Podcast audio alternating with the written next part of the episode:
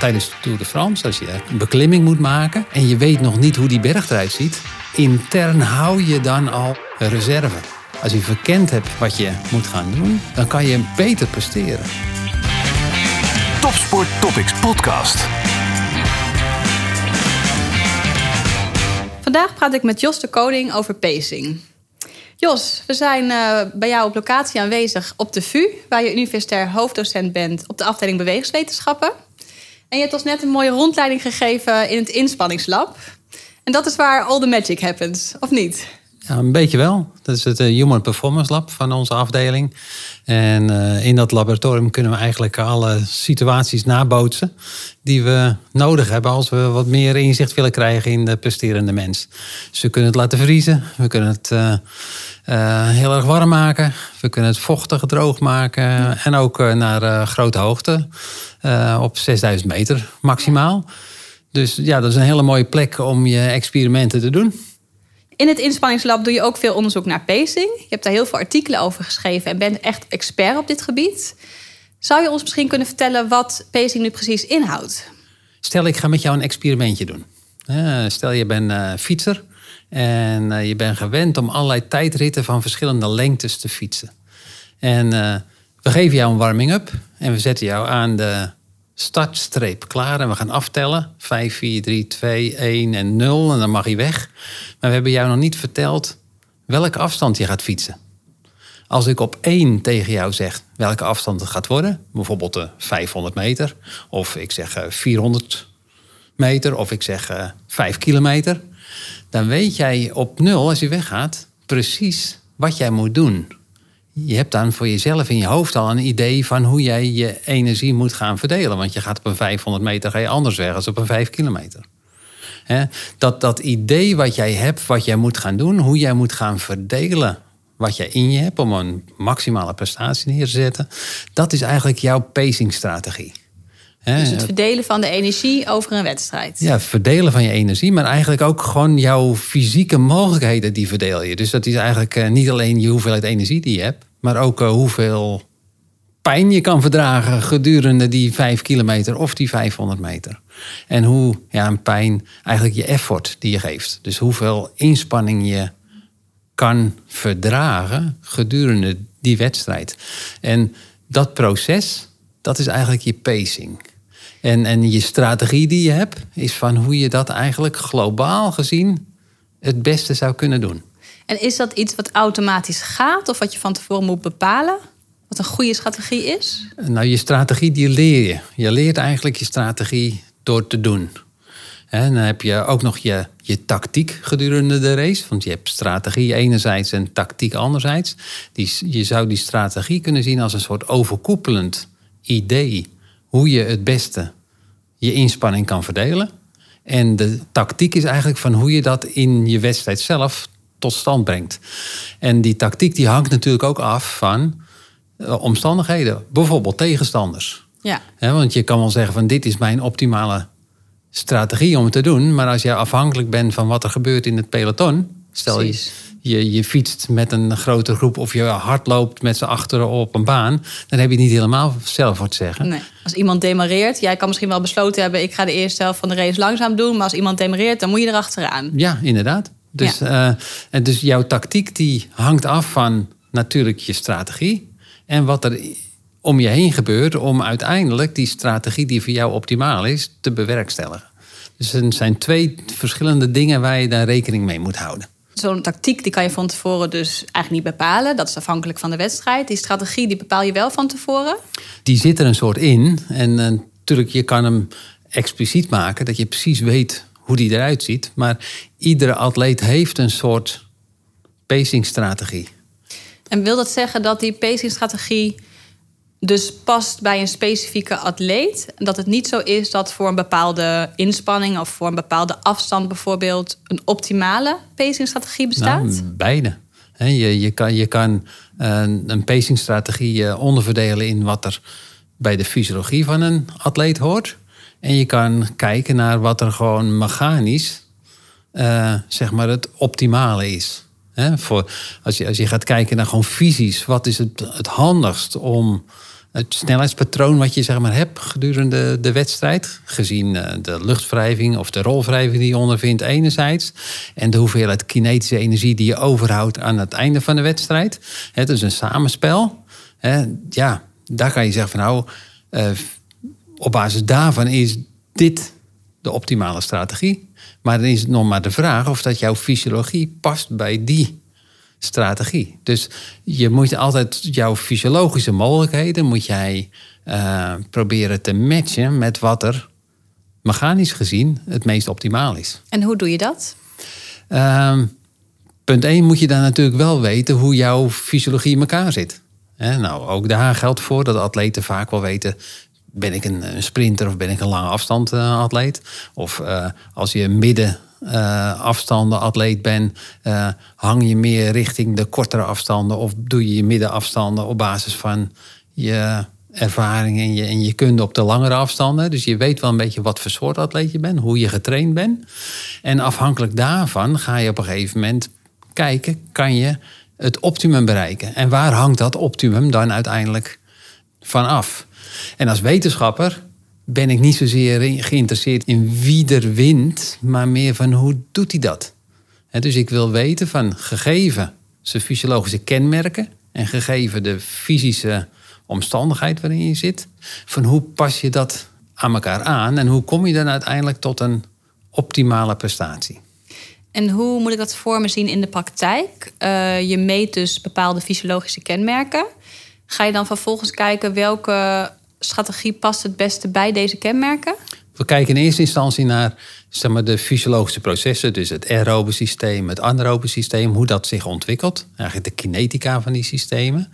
En uh, die is trainingsafhankelijk. Dus uh, dat is de ene kant waar je naar kijkt. En de andere kant waar we naar kijken is hoe ontwikkelt de effort die iemand pleegt. En die effort die hangt weer samen met je ervaren mate van inspanning. Van hoe voel je je gedurende de race. Ik ben zelf een eh, schaatsrijder. Ik heb heel wat 1500 meters geschaatst. Ik weet van mezelf op ieder moment in de race hoe ik me zou moeten voelen.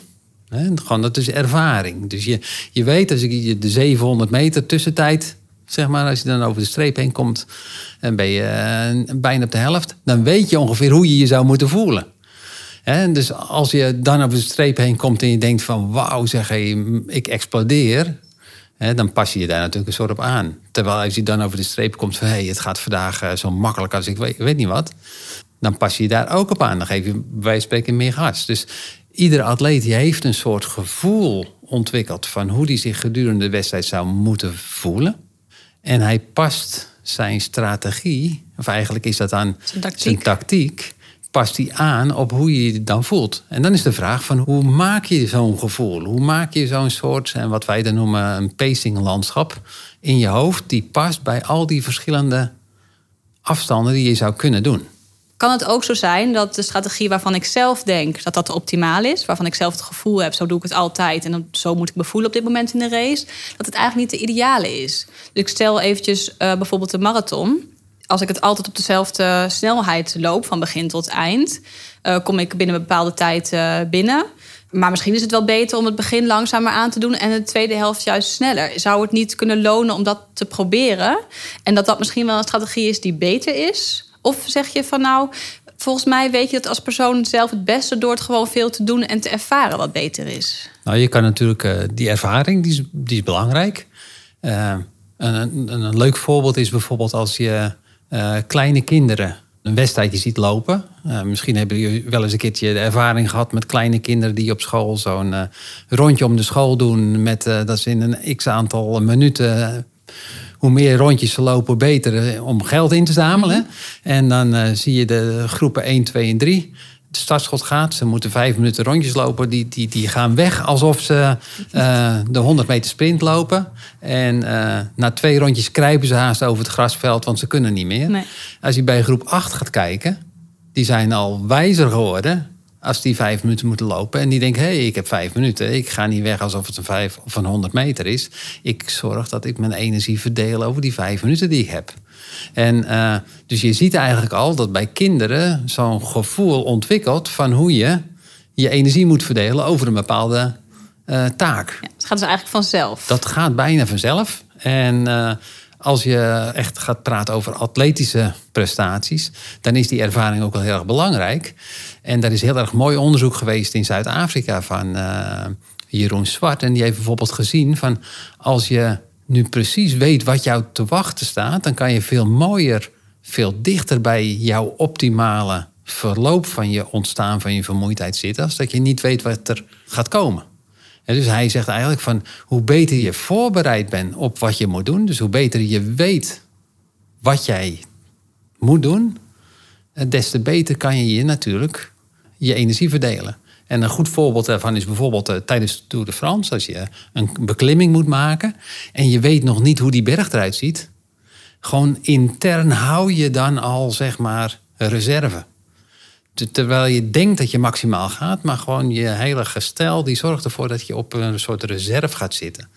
Als je nu precies weet hoe die berg is, dus als je van verkend hebt van tevoren, en goede wielrenners doen dat, die gaan de etappes verkennen.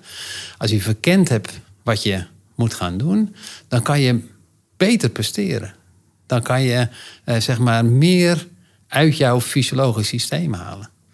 Is dat dan ook het enige wat je kan doen als het automatisch gaat? Maar je dus wel door middel van informatie beter kunt doseren eigenlijk? Is informatie dan ook het enige wat je. Nou, die informatie is heel erg belangrijk. Maar ja, welke informatie gebruik je eigenlijk? En dat is nog een beetje de, de vraag. Uh, gelukkig heeft een atleet een hoofd erop zitten. Dus in dat hoofd gebeurt heel veel. Maar die heeft informatie nodig. Dat informatie die komt uit je periferie. Dus je, je komt eigenlijk uit je periferie, komt allerlei sensorische informatie uh, naar je hersenen. En daar wordt uiteindelijk een besluit gemaakt van hoe je dingen doet. Als je dat te weten wil komen, dan kan je gedurende de, een tijdrit kan je natuurlijk aan de proefpersoon of aan de atleet kan je vragen stellen. En een van de vragen die we vaak stellen is van hoe voel je je nu? Gewoon de ervaren mate van inspanning. Dus we hebben heel veel experimenten gedaan, waarbij we bijvoorbeeld een tijdrit hebben gedaan van, uh, noem maar even 10 kilometer, waarbij we iedere kilometer hun aan laten geven hoe ze zich voelen. En dan zie je een heel mooi patroon van hoe die ervaren mate van inspanning zich ontwikkelt gedurende de wedstrijd. Nou, dat noemen we de pacing template. En wat blijkt is dat die pacing template, hoe dat verloopt, of dat je nu hard loopt, of dat je fietst, of dat je schaatst, uh, die is ongeveer hetzelfde. En die heeft een, vrije rechte lijn. En waar ik het net over had, over die uh, Jeroen Zwart. Als je niet weet wat je nog te wachten staat, dan verloopt hij niet volgens die rechte lijn, maar hou je in het begin een beetje in. En dan krijg je aan het eind een, zeg maar een, een wat grotere piek. En als je die rechte lijn volgt, dan heb je je optimale prestatie? Dan zit je waarschijnlijk dicht bij je optimale prestatie. En dat is dan iets waar je tijdens een wedstrijd in zou moeten of kunnen coachen? Sterker nog, ik denk dat de coach optimaal coacht als die jou coacht richting die optimale lijn. Precies. En daar is informatie belangrijk voor. En wat we ook gezien hebben in, een heel mooi onderzoek waarbij ze juist die informatie hebben uh, gemanipuleerd, dat je prestatie kan beïnvloeden. Eh, onderzoek van, van Florentine Hetterga, die heeft dat heel erg leuk laten zien. Waarbij je uh, gewoon de, de proefpersoon manipuleert eigenlijk. En dan kan je zien dat de atleet net een beetje meer kan of juist, juist en, niet. En hoe moet ik dat voor me zien? Hoe manipuleer je de atleet? Door bijvoorbeeld de afstanden uh, te jokken over waar ze zitten. dus dat je de, de afstand sneller laat verlopen of minder snel laat verlopen. Of je beïnvloedt een atleet door uh, virtuele tegenstanders uh, in het spel mee te laten doen. Dus die net iets harder gaan dan jezelf of net iets langzamer gaan dan jezelf. En wat zie je dan? Als ze de foute informatie krijgen, dan presteren ze ook niet optimaal op die tijdrit. Je kan ze een beetje voor de gek houden dat je er meer uit gaat halen. Maar er zijn grenzen. Hè? Want je, je lijf voelt ook, je hebt sensoren. Dus je kan wel zeggen van uh, uh, je zit nog maar op deze afstand, maar je bent al verder. Of andersom. Maar ja, je houdt dat lijf niet zo heel erg makkelijk voor de gek. Nee. Want die heeft dat hele mooie template. Ja. We hebben zelf een heel mooi onderzoek gedaan waarbij we uh, fietsers tijdritten van 10 kilometer hebben laten doen, tijdritten van 15 kilometer hebben laten doen. En vervolgens, uh, dus ze zijn gewend om die tijdritten te rijden. We meten al die dingen meten we mee, dus ook dat template. We laten ze een 10 kilometer starten. En in plaats van dat we die 10 kilometer helemaal uit laten rijden, ja, ze, ze moeten wel uitrijden, maar op 7,5 kilometer zeggen we tegen ze: uh, het is vandaag geen 10, maar je moet toch een 15. Nou, dan krijg je heel veel boze blikken natuurlijk. want, in, Ongetwijfeld. want in plaats van dat je bijna er bent, ja. ben je pas op de helft. Precies. En wat zie je? Als je dan gaat kijken naar die, die ervaren mate van inspanning. Ze zaten zeg maar precies op het pad van die hoort 10 kilometer. En binnen 2 kilometer tippelen ze over naar het pad wat hoort bij een 15 kilometer. Dat betekent dat ze dus wat langzamer gaan fietsen? Ze, ze passen hun patroon aan zodanig dat ze op dat template komen wat bij die 15 kilometer hoort. En dat sterkt ons in de gedachte dat iedereen heeft een soort pacing landschap in je hoofd. Dat je precies weet welk pad je moet hebben om optimaal die verschillende afstanden te kunnen doen. Maar dan moet je dat landschap wel verkend hebben. Dus heel veel oefenen op die afstand en ook op het parcours het liefst als het kan. Je parcours wat je hebt. Uh, je moet kennis hebben van je eigen lijf. Hè, van hoe voel ik me in verschillende situaties. Dus dat betekent ook in trainingssituaties...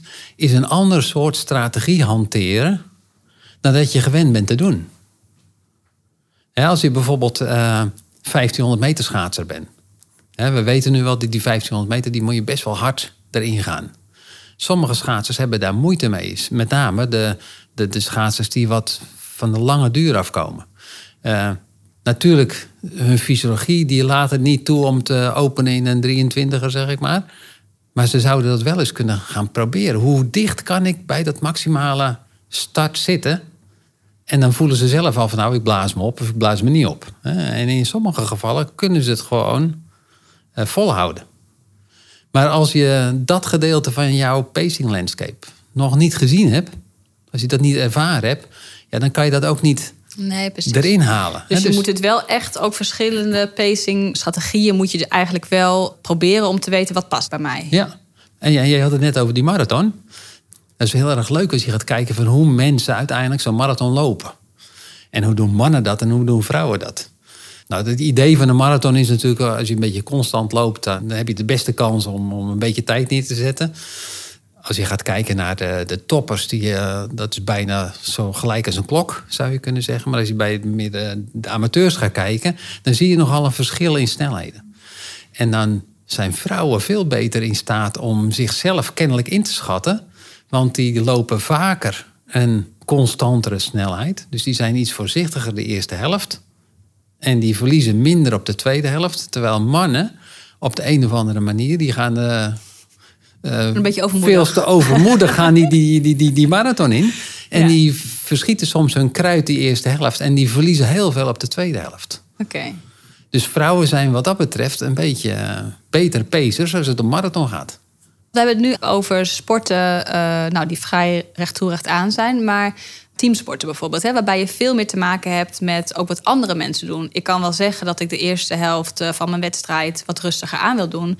Maar als toevallig de tegenstanders zo vol de aanval in hebben gezet, zal ik toch ook vol mee moeten sprinten. Zou je mee moeten? Ja, kan je daar überhaupt een pacingstrategie toepassen?